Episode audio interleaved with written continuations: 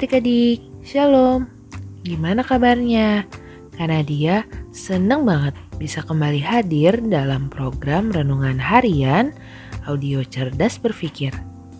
Melalui program ini, karena dia berharap pikiran kita semakin diisi oleh kebenaran firman Tuhan. Adik-adik, kalau ngomongin soal mengabdi kepada Tuhan atau melayani Tuhan, biasanya kita langsung menghubungkannya dengan berbagai aktivitas melakukan tugas di gereja. Main musik, jadi pemimpin pujian atau singer, menari, dan yang lainnya. Sebenarnya, kesemuanya itu bisa sih kita sebut melayani Tuhan, tapi harusnya kita mikirnya pelayanan atau pengabdian kepada Tuhan tuh nggak hanya melakukan berbagai tugas di gereja.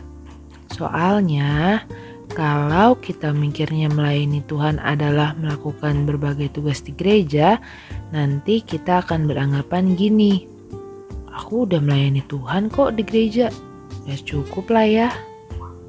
Nah, akhirnya gak sedikit orang Kristen yang pelayanan di gereja jalan terus tapi rumah terbengkalai. Pelayanan di gereja jalan terus tapi nilai-nilai di sekolah nggak keurus. Gitu deh. Gini deh kita belajar dulu nih dari kisah Adam manusia pertama. Adam dan Hawa diciptakan serta ditempatkan di Taman Eden itu dengan maksud supaya mereka bertanggung jawab dengan mengabdi kepada Tuhan Gimana caranya mengabdi kepada Tuhan waktu itu, Kak? Um, kejadian 2 ayatnya yang ke-15 bilang gini.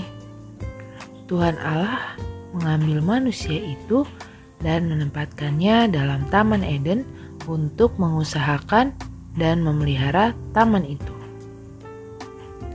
Mengusahakan yang sama dengan mengerjakan dalam ayat itu maksudnya mengelola sumber daya yang tersedia supaya lebih baik lagi. Sedangkan memelihara dalam ayat itu maksudnya adalah menjaga kelestarian ciptaan Tuhan supaya nggak punah dan nggak rusak.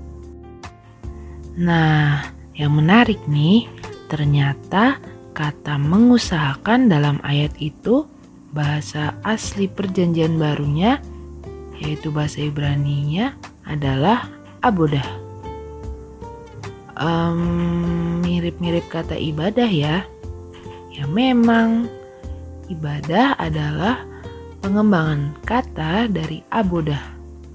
Artinya bekerja, melayani, dan beribadah. Adik-adik, dulu Adam kerjaannya hanya mengelola Taman Eden. Itulah ibadahnya kepada Tuhan. Itulah pengabdiannya kepada Tuhan. Kalau sekarang um, udah lebih kompleks kan? Pekerjaan makin banyak. Nelayan, karyawan, guru, pengemudi, pengemudi transportasi, pedagang, dan yang lainnya. Aspek kehidupan juga makin meluas kan?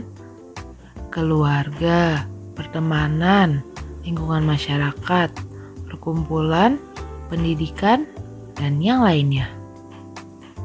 Nah, kalau adik-adik kerjaannya sebagai pelajar, ya belajar aspek kehidupan adik-adik yang lingkungan, keluarga, pertemanan, masyarakat, gereja, kesehatan, dan, dan yang lainnya.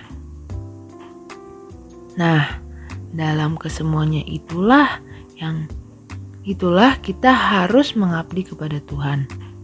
Kita harus mengupayakan diri supaya jadi manusia yang lebih baik. Selain itu, kita harus menjalani kesemuanya itu dengan sikap yang menyenangkan hati Tuhan. Lakukan semuanya untuk Tuhan. Nah, itulah pengabdian kepada Tuhan. Di dalam pertemanan misalnya, mengabdilah kepada Tuhan dengan menjadi teman yang membangun, bukan menjatuhkan. Tunjukkanlah melalui tindakan dan perkataan bahwa kita adalah anak-anak Tuhan. Untuk adik-adik para pelajar, um, kakak yakin sih mencontek bisa menodai pengabdian kepada Tuhan So, pikir berkali-kali deh kalau kalian mau nyontek. Tentu masih banyak lagi yang lainnya ya. Intinya, kita harus mengabdi kepada Tuhan di dalam setiap aspek kehidupan kita.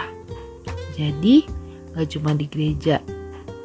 Kita harus ingat nih, dalam Roma 14 ayatnya yang ke-12 bilang gini, Demikianlah setiap orang di antara kita akan memberi pertanggung jawab, pertanggungan jawab tentang dirinya sendiri kepada Allah. Yuk, kita berdoa. Bapak, terima kasih untuk renungan harian yang boleh kami dengarkan hari ini, di mana kami belajar dan mengerti tentang arti mengabdi kepadamu. Kami mau kiranya hidup kami mengabdi kepadamu di dalam setiap aspek kehidupan kami. Kami serahkan hidup kami ke dalam tanganmu ya Tuhan. Terima kasih, kami telah berdoa dan mengucap syukur. Haleluya, amin. Oke adik-adik, tetap sehat, tetap semangat, dan tetap jadi berkat ya. Tuhan Yesus memberkati. Dadah.